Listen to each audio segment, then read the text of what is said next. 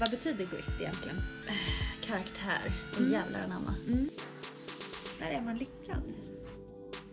Vad roligt att jag har lyckats lura dig. Att man tappar vägen. För att man hittar på att man, att man vill massa andra saker. Så Precis. glömmer man bort vad man ville från början. Men att nivån med grit hänger samman med hur hjärnan ser ut. Ja, men det tror jag är jätteviktigt att bygga ett nätverk runt barnet så att Ja. barnet vet att det finns väldigt många som älskar mig. Medveten vilja att komma någonstans, att uppnå ett mål. Om man inte är, självförverkligar sig och inte släpper ut sin kreativitet och sådär, då kan ju det lätt leda till depression. Ja. Att du, just du, vare sig du tror eller inte, du är viktig för mig. Du har en särskild plats i min skattkista.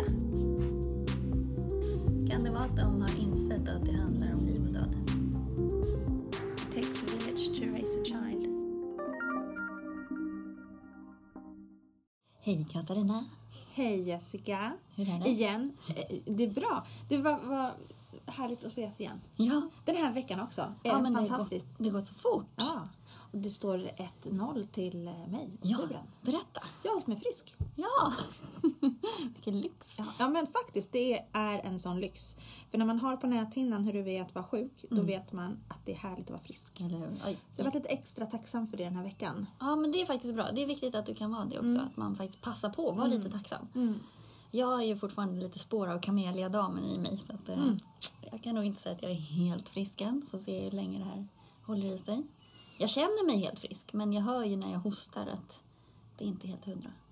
Nej, och jag åsamkar mig också någon sorts hosta som hänger i mig. Jag kallar det för högfärdshosta och Ja. bär den med stolthet. Ja, ja men det, det är ett annat angreppssätt. Mm. Klädsamt.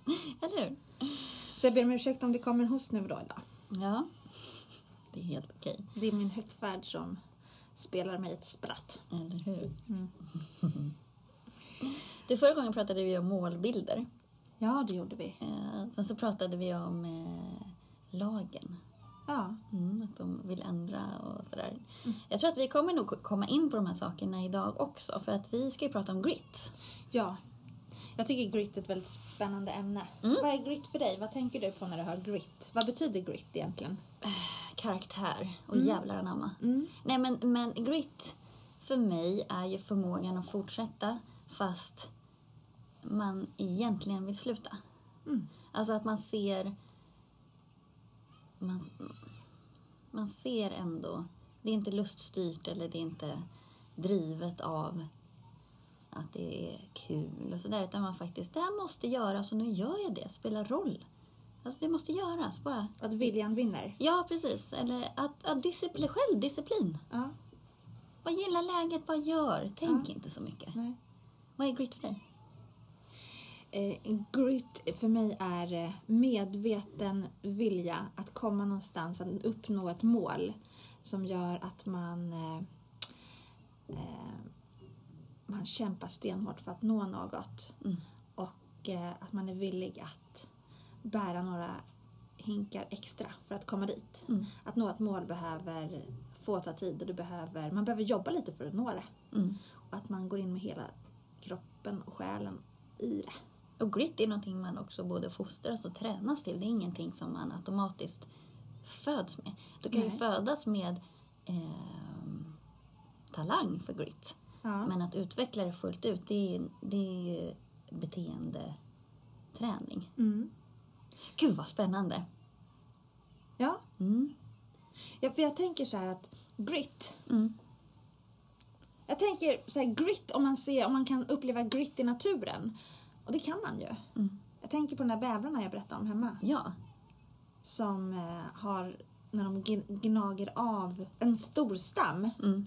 Det krävs grit för det. Mm. Bävergrit. Frågan är, behöver man ha grit då? svår fråga. Behöver och behöver, det är ju lättare att nå både mål och få saker gjort. Mm. Jag tror att om man ju mer grit, jag tror att grit hänger ihop med ansvarstänkande också. För att om du tar någon grit överhuvudtaget, då måste du nästan förlita dig på att andra hjälper dig och fixar det du ska ha gjort och så. Ja, och när vi har hälsan i behåll och när vi mår bra, Mm. då fixar vi ju att eh, att driva saker framåt. Men sen kan man ju ham- hamna i situationer där man faktiskt tappar. Där man faktiskt inte orkar fixa med allting. Mm. Eh, och då kan det vara svårt att eh, hitta inre motivation eller förmåga att hitta motivationen att genomföra saker. Mm. Man kan ha funktionsnedsättningar som gör att man faktiskt har svårt att hitta en startmotor och sen att ha en motor som driver Mm. det här kugghjulet i oss framåt. Mm. Eh, och då behöver vi hjälp. Mm. Men jag tror vad du pratar om låter mer i mina öron som att du pratar om när vi inte till synes har oförmåga. Mm.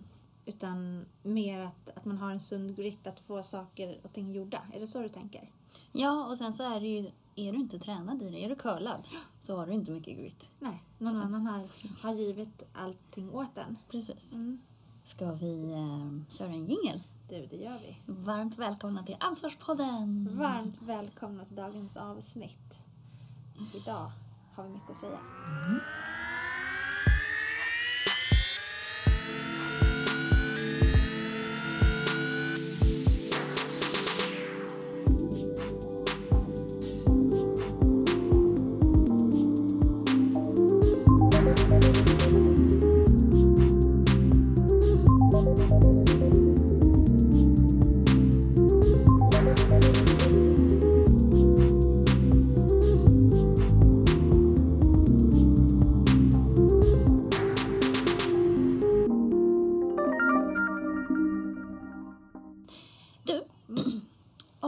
ber dig räkna upp tre personer Mm. som representerar grit för dig, vilka skulle du säga då?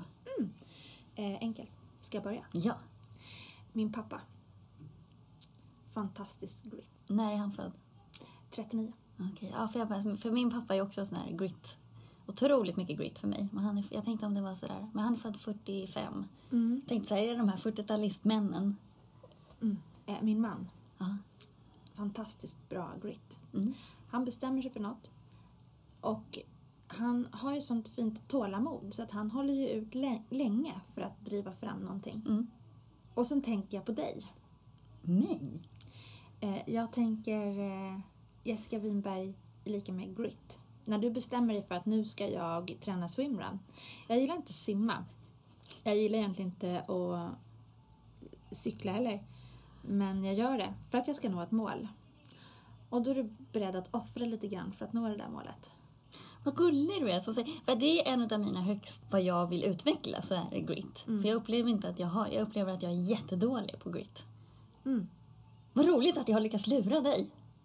Jag tänker att ibland kanske man tror att man... Alltså du ser ju bara din avsikt. Mm. Du ser inte ditt beteende. Jo, men jag tycker att jag ser mitt beteende och jag tycker att det inte riktigt håller måttet. Men om jag informerar dig lite grann om ditt blinda fält, det där som bara jag vet om dig, som du inte vet. Nej, precis.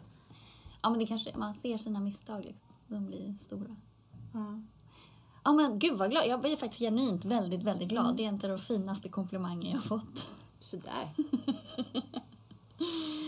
Men då ska jag tala om också att grit tänker jag också är, det är relativt. Eh, Ja. För att jag är ju den sämsta i min omgivning och min uppväxtmiljö. Alltså jag anses ju vara den här som inte fick grit. Alla andra runt omkring mig är mycket, mycket bättre på grit. Enligt vem? Enligt, eh, enligt, enligt mig och alla dem i min uppväxt. Men jag tror att Din bild är att... Nej, men jag är uppväxt i, börjar jag inse, i en miljö där det finns väldigt mycket grit. Min mamma har också grit. Eh, och min brorsa är också sådär super grittig. Mm. Eh, och det är mycket högpresterande människor. Och då blir det ju att man jämför sig med det. Så att när man sen kommer ut i andra sammanhang så kanske i ena sammanhanget så är ens högsta är det lägsta där. Men när man kommer i ett annat sammanhang så kanske mitt högsta ändå är medelmåtta i det sammanhanget. Och det kanske har lite grann med bilden av sig själv att göra, tänker jag då. Ja. För att jag tänker, tänk att man börjar man arbetar på ett arbete, Mm. på ett jobb och så har man verkligen fått en roll där och man vet tydligt vad jag ska göra Mm. på sitt arbete och man blir bara bättre och bättre på det, blir tryggare och tryggare. Mm. Eh, och, sen då, och så känner man att här, här har jag fått mig en roll, Mm. jag känner mig trygg och jag är någon här. Jag är betydelsefull för den verksamhet jag Mm. jobbar i. Sen byter jag arbete och hamnar på en på en ny arbetsplats så kanske inte alls eh, där har jag ju naturligt inte samma roll eftersom jag är helt ny i flocken. Nej, precis. Och då kan jag ju helt plötsligt från en dag till den andra kastas in att hoppsan, här känner jag mig medioker. Mm. Medioker, vad var det för Jo, men jag säger också uttryck? medioker. Ja, exakt. Ja. Ja. Och det är ganska bra för då skärper man till sig. Men jag tror att man måste känna sig lite medioker ibland för att, ja, för att skärpa sig. ja, man måste skärpa sig. Jag vet inte, behöver man det? Vem är det man ska skärpa sig för? Det är en jättebra fråga. Jo, men jag, jag, jag, är, jag är inte en sån som eh, i alla lägen pläderar för att vara en livsnjutare. Jag tycker att man får skärpa sig lite ibland också. Jag tycker att Ja, det är bara för att jag själv mår bra av människor som är väldigt strukturerade och eh, har väldigt mycket grit. Och är, självdisciplin Mm. är, är starkt för mig. Men självdisciplin att eh, bjuda sig själv på återhämtning, hur ser du på det? Jo, fast där kommer ju min den här eh, sunda egoisten in. Ja. Alltså jag, på något sätt, jag tar verkligen tid. å- Men återhämtning för mig är inte att ligga i soffan. Det Nej. får jag panik av. Ja. Återhämtning för mig kan ju vara bara gå ut på ett löp, lite lugnare löppass. Ja. Eller bara vara själv en stund. Eller få bara gå in i mina tankar. Och för mig är det när det, när det stillar sig. Mm, När det bara blir sådär lugnt. mm, Då känner jag mm, återhämtning. mm, Jag tänker för att orka med grit, för att Mm. grit ska bli för att det vi strävar emot, att vi ska orka löpa hela det där passet eller att nå det där målet. mm, Så tänker jag att som ett Formel 1-pass, mm, om man ser sig själv som en Formel 1-bil mot ett mål, mm. så tänker jag att emellanåt behöver man ju faktiskt åka in I depån. till dep- i depån och byta däck eller, Eller så, chansar man tills däcken smäller. Ja, det är ett alternativ. Men vad enda man vet då är att man kommer inte först. Nej, Och det behöver man inte göra. nej precis. Men jag tänker att eh, byta däck ibland. Men ibland kan det också vara kul att se var, hur långt däcken klarar. Absolut. Om vi pratar träning, tänker jag. Ja, precis. Och det här är så roligt för att Mm. när vi pratar så, så hör jag ofta att du, du tänker mycket, tolkar jag det som, i träningstermer. Mm. Mm, och jag ser andra saker Mm. som grit. Eftersom jag aldrig någonsin har tränat inför att eh, till exempel springa eller träna inför en triathlon. Nej. Eh, så har jag svårt att tänka mig hur det skulle vara att pressa sig så. Ja, Jag kan ju göra utföra andra saker istället. precis. Och en annan sak som skiljer oss åt är också att jag... För mig är det underbart att, precis som jag sa tid för, någon, för ett tag sedan, att träna mig i att bara vara. Mm. Att det är en form av återhämtning. Mm. Eh, och det är lite grit i det också. Mm. Att träna mig att ge mig lugn. Mm. Jag själv kan ju leda mig in i det. Och jag har märkt att när jag ger mig mer av den återhämtningen Mm. så växer andra saker fram Mm. som jag tidigare inte stannade upp och såg. Som jag nu ser. Mm. När jag givit mig tid att tänka på det Mm. så, så kan jag se det mer tydligt. Precis. Jag har nog kommit fram till att jag mår som bäst av att vara lite aktiverad. För Jag, jag mår dåligt av att inte göra någonting. Eller jag mår dåligt av... Och det är inte så här att jag att det är prestation eller att det är så. Utan alltså min kropp mår dåligt av att vara för... Rent fysiskt. Ja, av att för, vara för inaktiv. Mm. Men eh, det har väl kanske mer en kemisk obalans att göra. Men du, vet du grit? Vet du var det kommer ifrån? Vad, grit kom? Själva Alltså, ordet eller ja? Nej, precis. berätta. Eh, det kommer från en amerikansk psykolog som heter Angela Duckworth som, eh, som myntade det här begreppet i en bok som hon skrev. Eh, och hon menar ju då att det är karaktärsstyrka och, och driv och att eh, förmågan att hålla fast vid långsiktiga mål och inte ge upp vid motgångar. Mm. Och eh, hon har kollat då på vilka hjärndelar som styr grit. Det finns även, en svensk person. Eh, Torkel Klingberg har också skrivit om det här Mm, det. och eh, forskat om det. Han säger då att när de tittade på hjärnan så tänkte de, de hade två hypoteser. Mm. Antingen skulle grit sitta i pannloben, som där självkontroll och självdisciplin och så sitter. Eller så skulle det sitta i en djupare kärna som styr eh, motivation. Ja. Eh, och det visade sig att det faktiskt sitter där i motivations... Så att du har inre och yttre motivation och sen så har du ju den här grittet som då skulle jag säga är kopplat mer till den inre motivationen. Men det har med motivationssystemet att göra. Och det går att se samband att de barn som har en hög nivå av grit har oftast mer grå substans eh, i kärnan av nucleus accumbens. Men att nivån med grit hänger samman med hur hjärnan ser ut.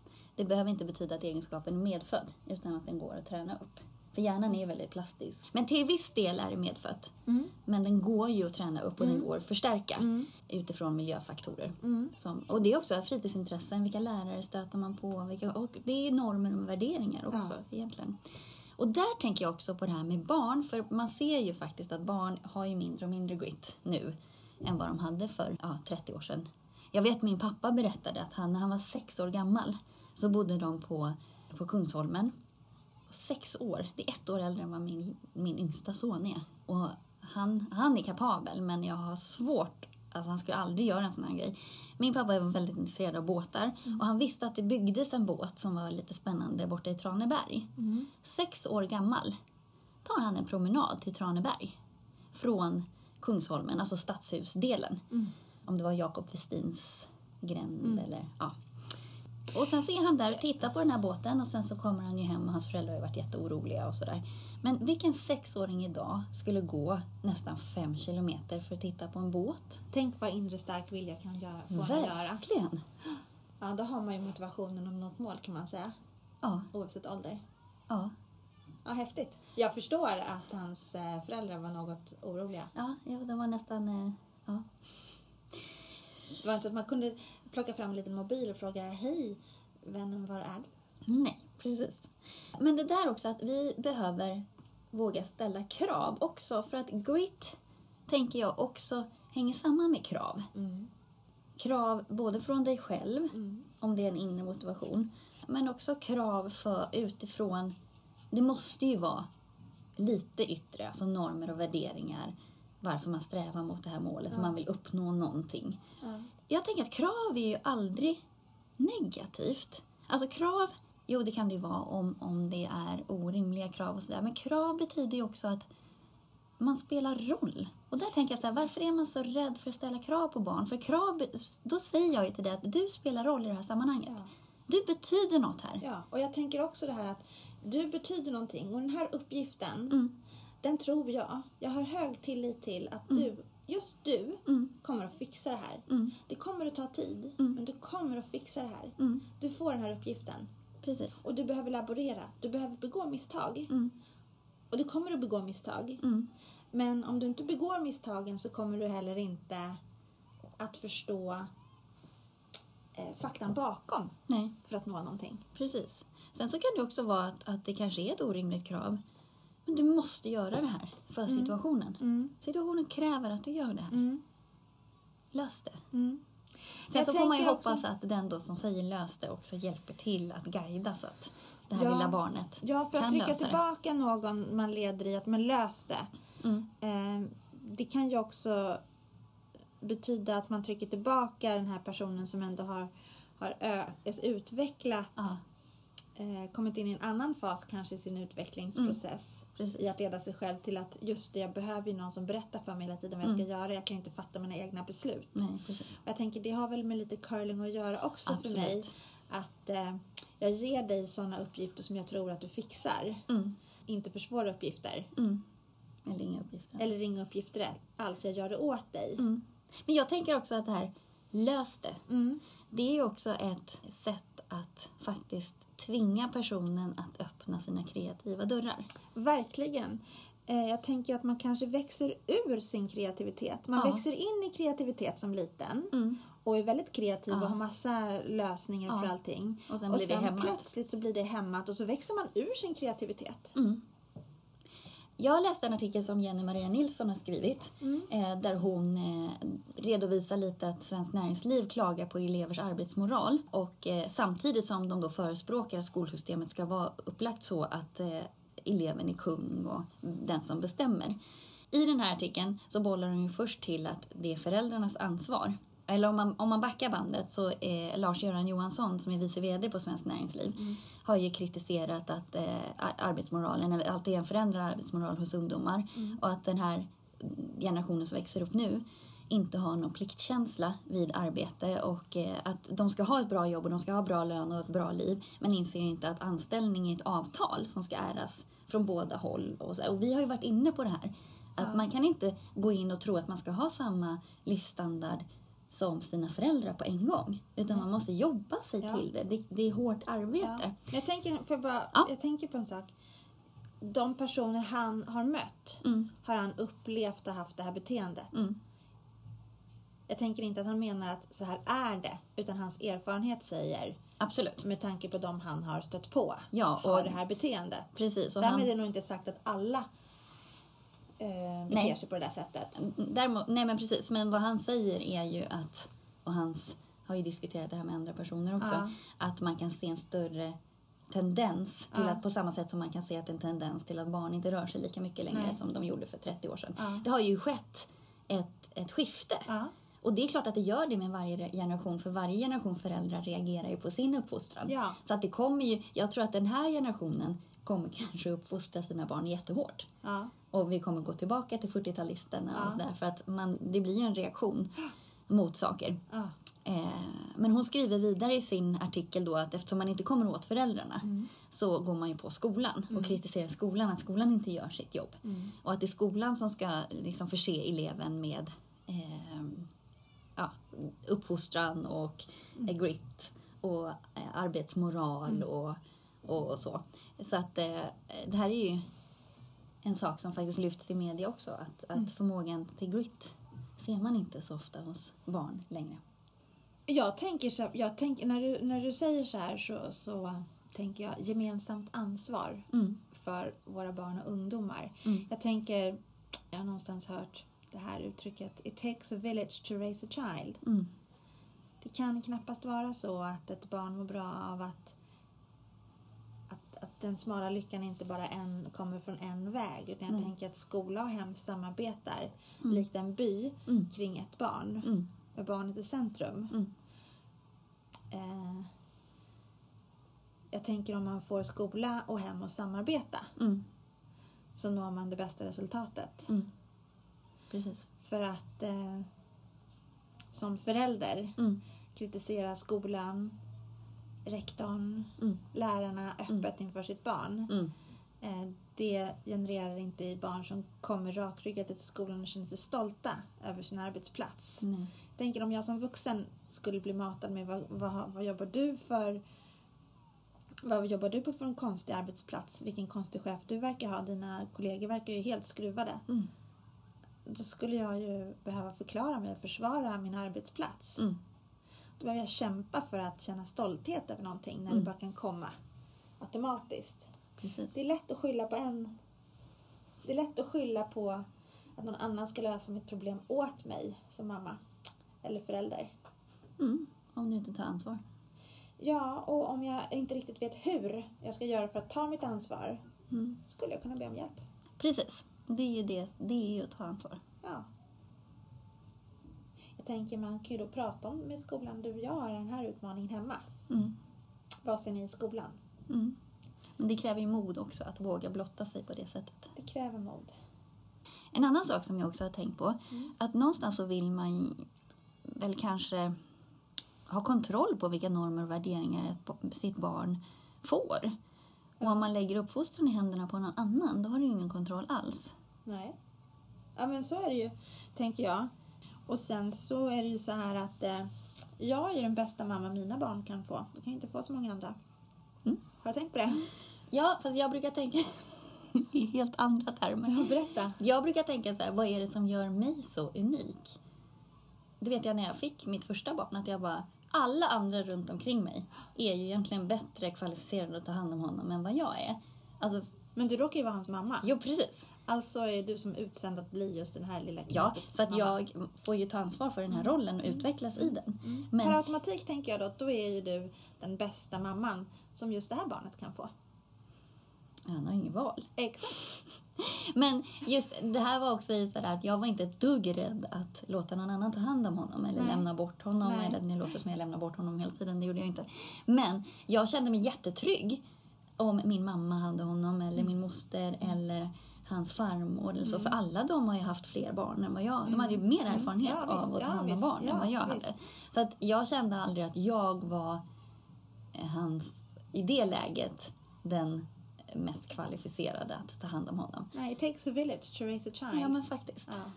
Olika personer kan bli nyckelpersoner i ett barns liv. Verkligen. Det inte bara, hänger inte bara på föräldrarna. Nej. Så det kan ju faktiskt vara just både släktingar, lärare, Mm. eh, förskolelärare, Mm. eh, fritidspedagoger, Mm. rektorer, Mm. andra personer, Mm. eh, vänner till familjen. Precis. Andra personer som också är viktiga. Ja, men det tror jag är jätteviktigt att bygga ett nätverk runt Mm. barnet så att Ja. barnet vet att det finns väldigt många som älskar mig. Ja, Och jag kan vända mig till Mm. flera håll. ja. Jag tror att det är jätteviktigt att ett barn har många relationer. Oav, oavsett vilket håll det blåser åt Mm. kan jag falla åt vilket håll som Mm. helst. Mm. För det finns alltid någon som fångar upp mig. Precis. Eh, att ha en famn i varje väderstreck. Mm. Precis. Hur utvecklar man grit då? Tänker du? Förmodligen så måste man väl ha stark vilja att vilja nå någonting. Mm. Och med viljan kommer motivationen. Eh, och hittar man inre vilja till motivation Mm. så tror jag att det är faktorer som gör att det är lättare att nå ett mål. Mm. När vi börjar tveka på om det där verkligen ska jag behöva jobba så mycket för att nå det här? Mm. När det bara är borta. Mm. Ja, då är det ju Man inte värt. Då är man inte beredd för Då är man inte beredd. Nej, exakt. Men just grit, för mig är ju också just att man fortsätter fast uppoffringen är väldigt tuff.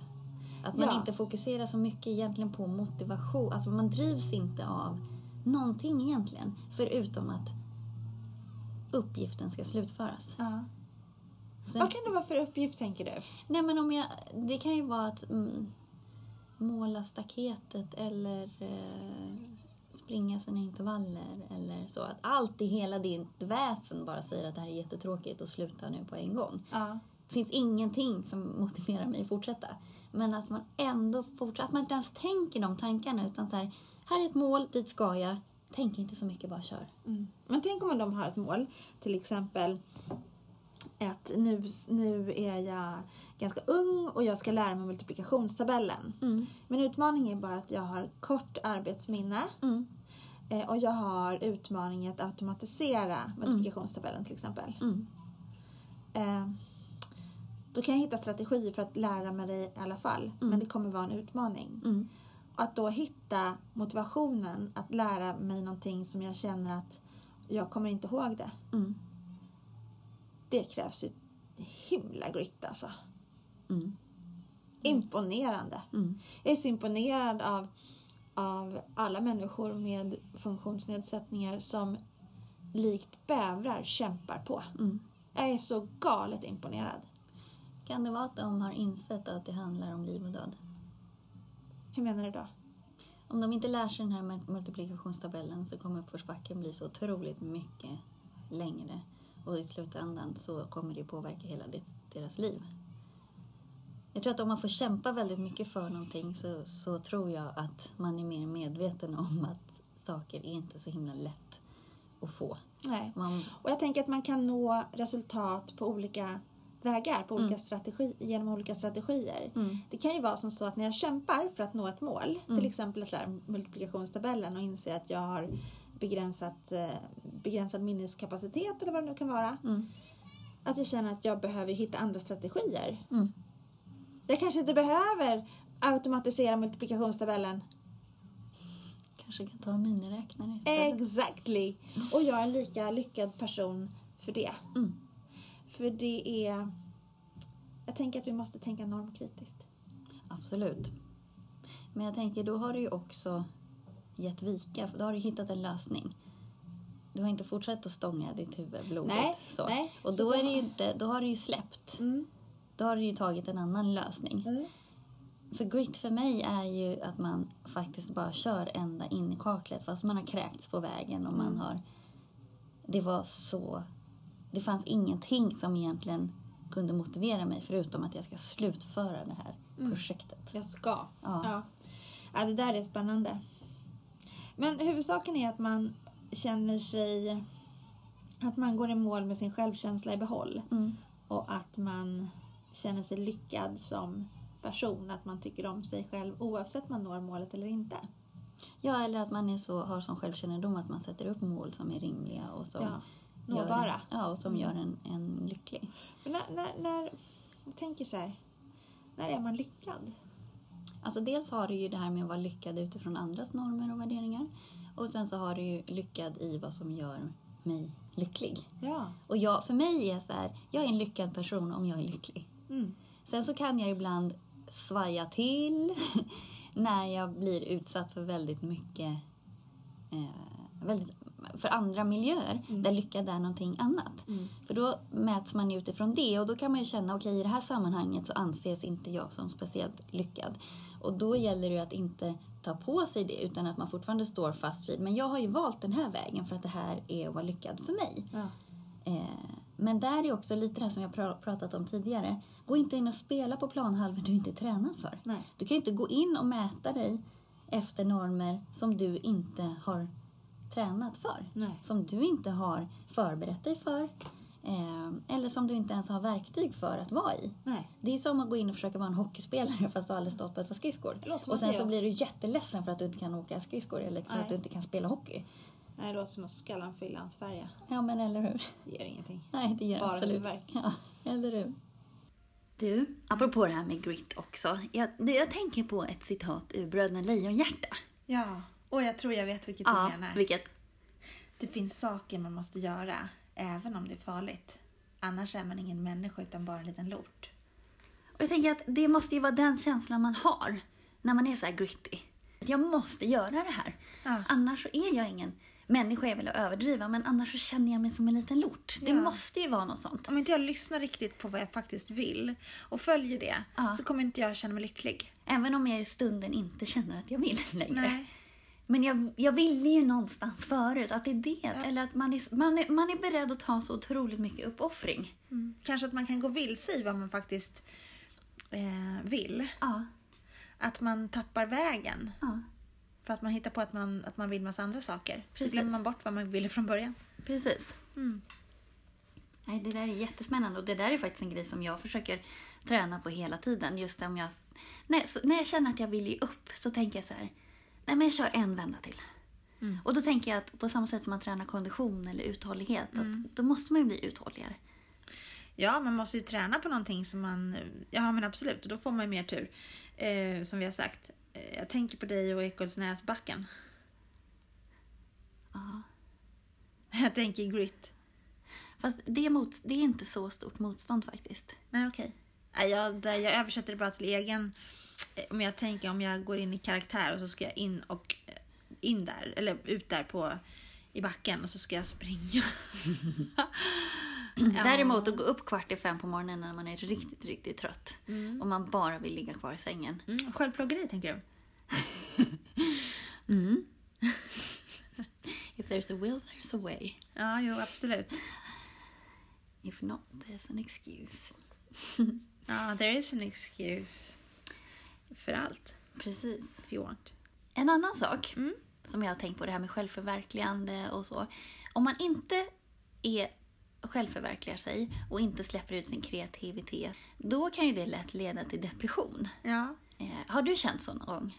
Att man har stängt in just kreativitet som inte får komma ut. Det, det ligger som en liten boll någonstans i magtrakten som man bara känner att det här vill jag ska komma ut men jag hittar Mm. Ja. inte tid för att göra just det här. Nej. Ja, God yes, jag har haft sådana perioder. Ja. När det gäller att skriva och när det gäller att måla. Ja. Eh, faktum är att det gick så långt att jag kände att jag måste få skriva. Mm.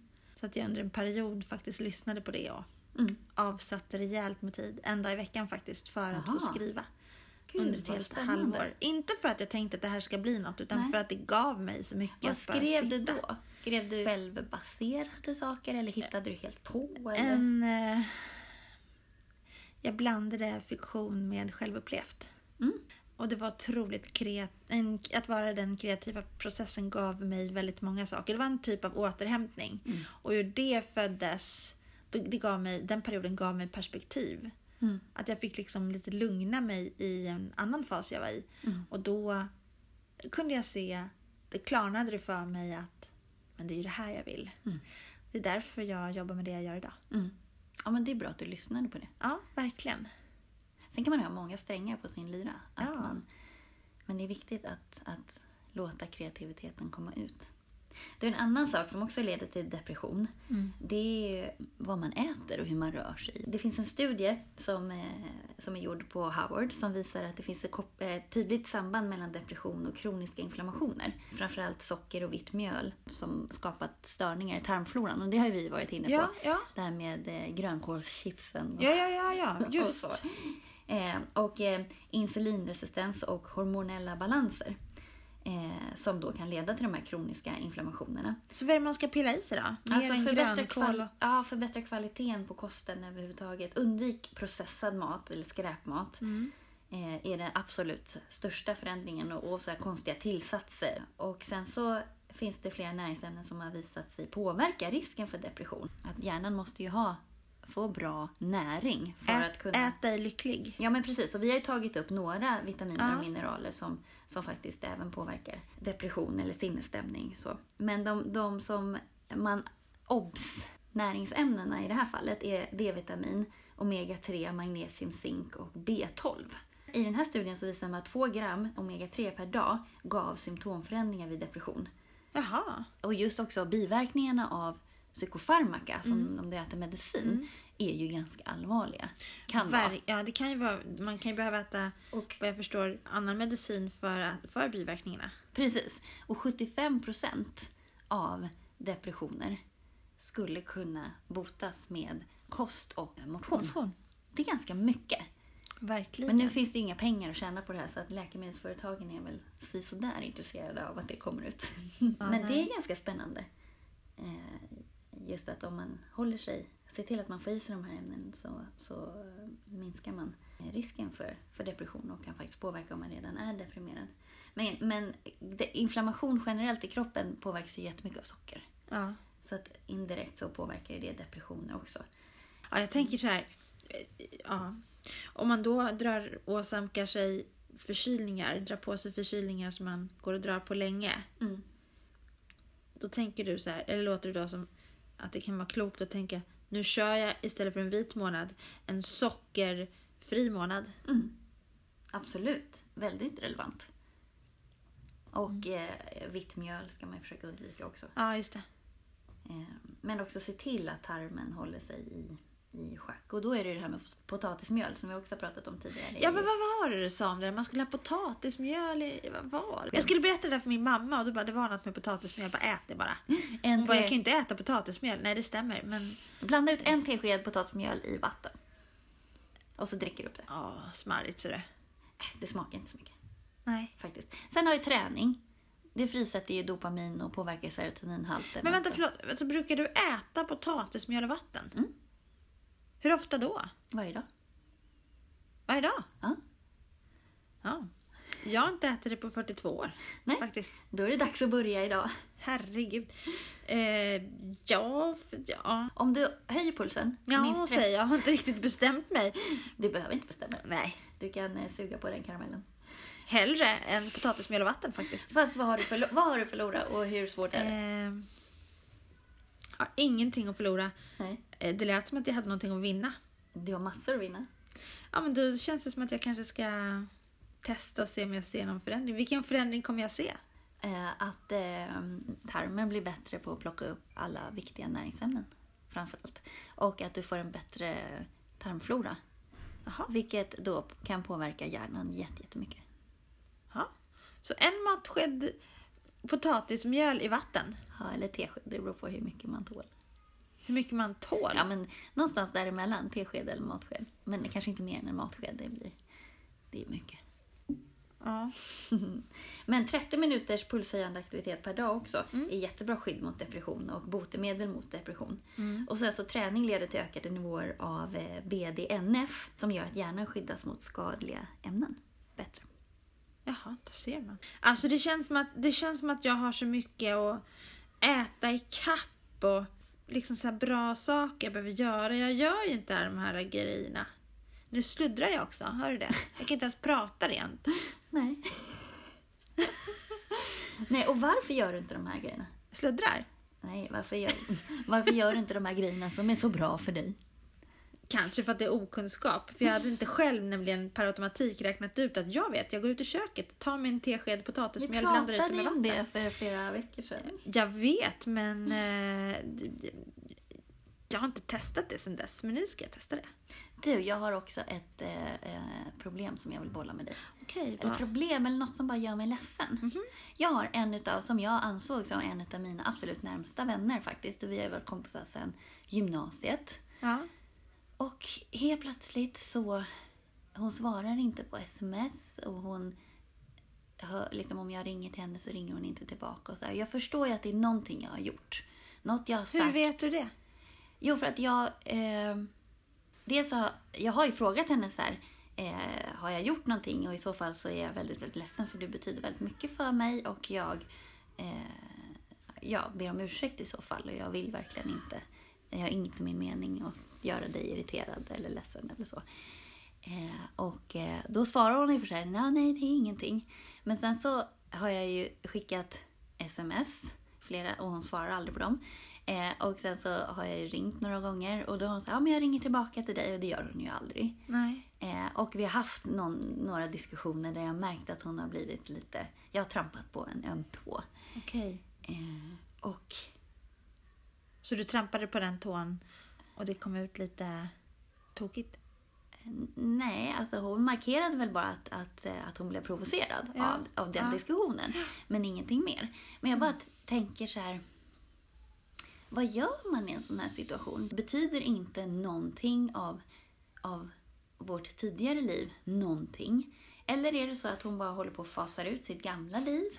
Eller är det så att jag har provocerat henne så mycket att jag då representerar så mycket att det är så känsligt på något vis att hon pallar inte med det. Och jag kan känna så här, okej om jag inte hade men när jag verkligen har uttryckt att jag ber om ursäkt och du betyder väldigt mycket för mig. Vad är det du ber om ursäkt för?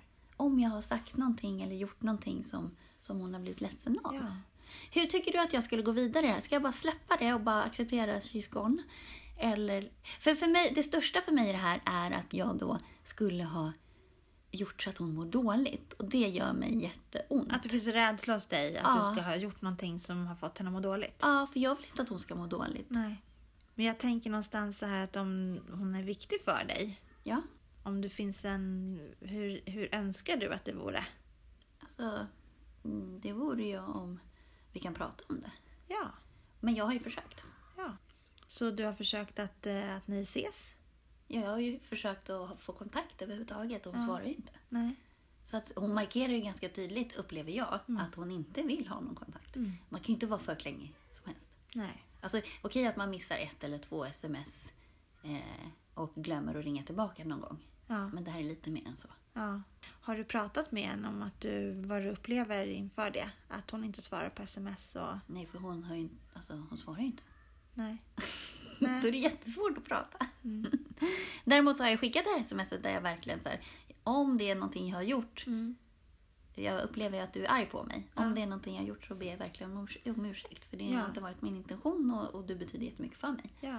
Ibland så kan man ju bara, bara också prata om det där vad jag, vad jag ser. Mm. Eller vad jag upplever. Mm. Och vad jag känner kring det. Mm. Och vad jag skulle vilja. Mm. Att ibland stannar vi vid att vi berättar bara vad vi tänker och vad vi känner. Mm. Men kanske inte vad vi behöver. Nej, precis. Eh, Men jag tänker jag att... tänker att du, om du inte har berättat för henne vad du skulle behöva. Jag skulle behöva att vi pratar. Men det kräver ju att jag får någon respons. Mm, och får du ingen respons, så vi kan ju aldrig påverka hur någon annan agerar. Nej. Det ligger liksom utanför vår skattkista. Precis. Det som ligger i din skattkista, tänker jag, är att berätta vad just du känner, tänker och upplever. Mm. Och Och, det behöver. gjorde jag ju. Och behöver. Och det har inte hjälpt så mycket. Och då tänk, jag tänker ju egentligen att jag har ju släppt det. Mm. Eh, Men om hon inte har modet men, att men, vara risktagande i i er relation Ja. och säga vad det är som gnager, om det är någonting som gnager. mm, För det låter som att du har fått en tanke om att det skulle kunna vara som så att hon är irriterad. absolut. Fast att du är lite osäker på om det verkligen är så för du ser inte själv vad du har gjort. Jo, men alltså jag, jag kan sätta fingret på två saker som skulle kunna ha varit utlösande Ja, i det här. ja. Eh, samtidigt som jag tycker att eh, eller känner att hon känner ju mig förhoppningsvis. Alltså, Ja. vi, som sagt, jag trodde ju att vi var väldigt, att vi var ganska nära kompisar. Eh, att jag, det är inte hela jag. Man kan ju ha olika åsikter. Det måste man ju få ha. Ja. Men det betyder inte att man är fiender. Nej, man kan ju också vara överens om att man, är, att man inte är överens. Ja, att man kommer precis. till acceptans. Men för att komma till acceptans, ibland behöver man ju faktiskt gå in och grotta lite grann i det där. Mm. Och om ens relation är så pass stark Mm. att den står pall för att man pratar om det. Och där Om- har du ju svaret. Den var ju uppenbarligen inte det, så släpp det. Den betyder ju inte så mycket då. För vem? Ja, men i det här fallet då. Eftersom det uppenbarligen inte går att prata om. Ibland kan det ju vara som så att det kan vara att, att vi måste lyssna på oss själva. Är det här viktigt för mig att prata om? Är det viktigt för mig? Tror jag, eller vill jag? Har jag hög tillit till att vi fixar det här även fast vi är en svacka? Då kan jag ju ta eget ansvar för att faktiskt prata om det där som vi inte pratar om. Mm. De där två incidenterna eller de där två sakerna ni hade olika tankar kring någonting. Mm. Och känner du att du inte får respons på det? Mm. Och jag har all respekt för, om hon inte vill ha någon kontakt så har jag all respekt för det. Däremot så gör det mig lite, jag blir lite ledsen av att jag skulle ha orsakat något form av dåligt mående hos henne. Sen behöver inte vi ha någon kontakt, men det gör mig ledsen. Om våra skilda åsikter gjorde att hon mådde dåligt på något sätt. Mm.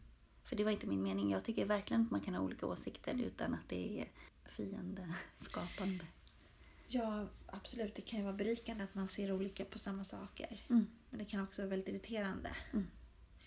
Men att om du är din egen föredömliga ledare och Mm. väljer om du vill kämpa för relationen Mm. och pröva en gång till. Mm. Eller om du känner att nej, jag vill inte det. Nej. Där tänker jag att du kanske behöver fundera kring det. Mm.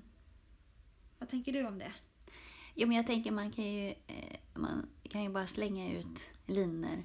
Man kan inte göra det för all evighet om du aldrig får någon respons Nej. tillbaka. Då, då känns det också av respekt. Ja, Lägg ner det. ja, Alltså hon vill ju uppenbarligen inte. nej.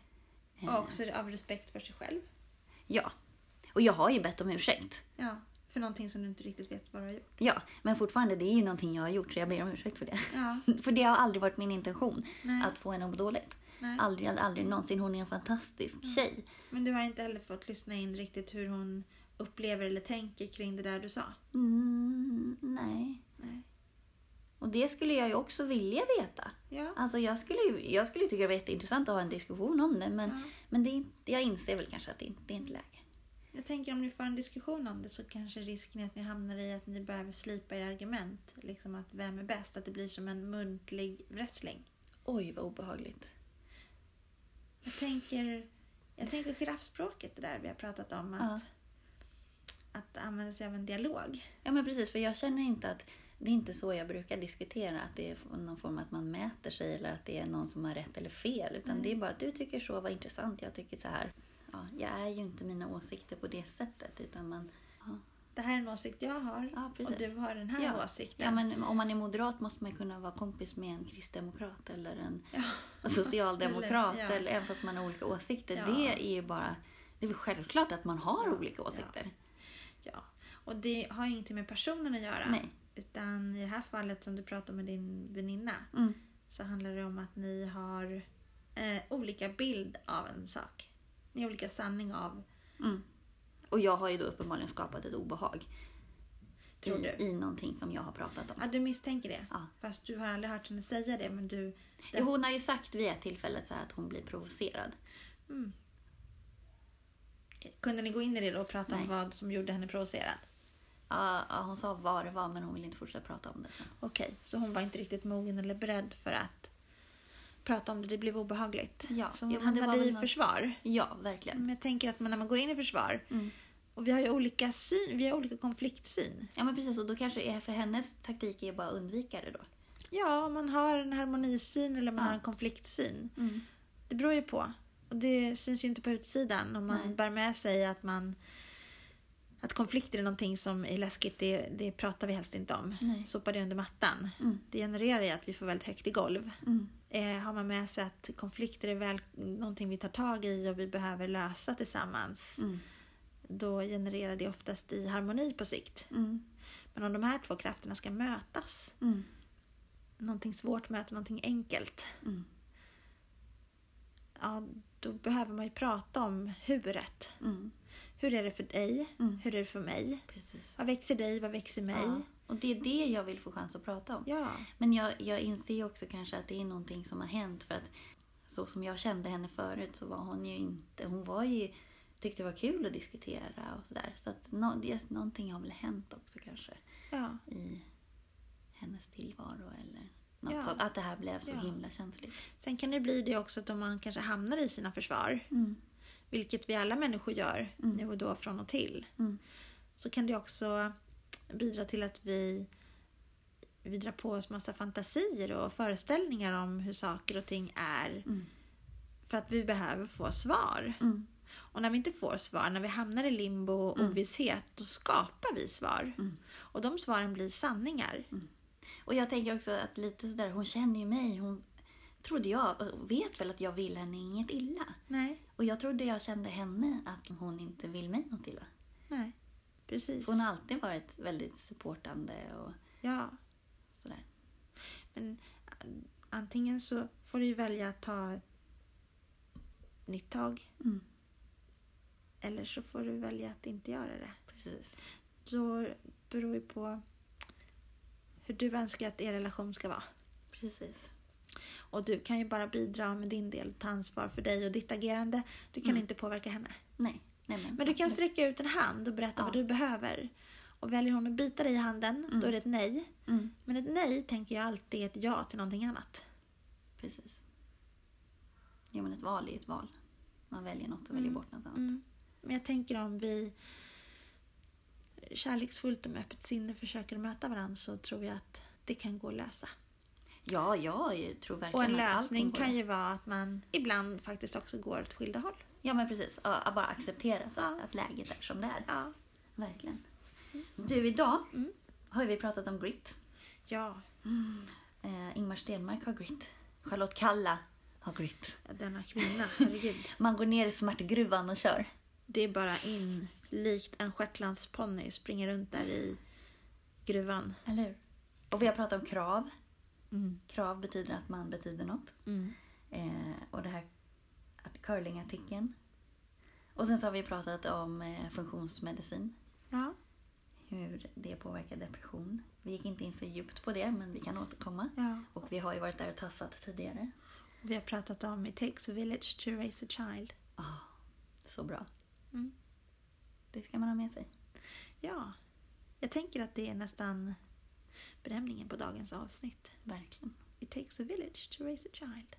Så eh, vi deltar i samma by fast på olika sätt. Precis. Och det är ju lite där vi har varit inne på också med hur olika samhällen påverkar hur, vad man betyder och hur man beter sig. Vi i Sverige är ju så långt upp på Maslows behovstrappa att vi kan ju till och med avsäga oss kontakt med andra människor. Ja, Och då, som du precis sa. Visst är det så? Precis. Och då är man nog lite illa ute. Mm. Vi behöver varandra och vi är alla delaktiga i hur alla mår. Ja, och jag tänker att ibland behöver vi påminna oss om att du, just du, vare sig du tror eller inte, du är viktig för mig. Mm. Du har en särskild plats Mm. i min skattkista. Precis. Och jag vill ha dig där. Och jag önskar så att du vill ha mig där. Mm. Och vet du vad jag tänker på det här? Att vi alla är ansvariga för att alla känner sig delaktiga och sådär. Det finns ju en del saker som sker nu eh, i, för olika minoriteter i Sverige. Eh, som, där inte ens samhället ställer upp för de här personerna. Det är någonting jag skulle vilja prata om nästa gång. Det finns lite domar som ligger och sådär. Det finns saker i vårt samhälle som pågår som inte alla är medvetna om och som är otroligt hotande för, för vår demokrati. ja. Det finns så mycket man vet så lite om. Eller hur? Och det man vet, det vet man. Det kan man vila tryggt i. Ja, absolut. Men du, Ja, vi ska avrunda. jajebox. Mm. Vi ska ju det. Och så kommer vi att ses nästa gång vi ses. Mm. Fram till dess så Äter riktigt mycket påskgodis. påskchoklad i mitt fall. Mm. Älskar choklad.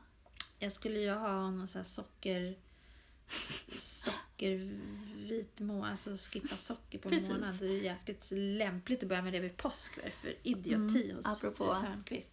Kroniska inflammationer Ja, och vet jag. tarmflora. Ja, det vet jag inte om jag har, men alltså det känner, jag Men- känner mig ju sjuk när jag tänker på det. Om du äter lite potatismjöl samtidigt så kanske det dämpar lite. Ja, du tänker så här choklad i ena handen och ett glas med vatten och eh, potatismjöl i andra. Ja, Mums. Det är medicinen. Bra kombo. Mm, Alltså eller? istället för ett glas rött och något smarrigt. Ah, nej, men varför inte? Varför inte? Man ska ju aldrig säga aldrig. Nej, utmana dina fördomar. Utmana dina smaklökar. Precis. Ciao Bella. Du får ha det så bra. Du med. Puss puss. Puss.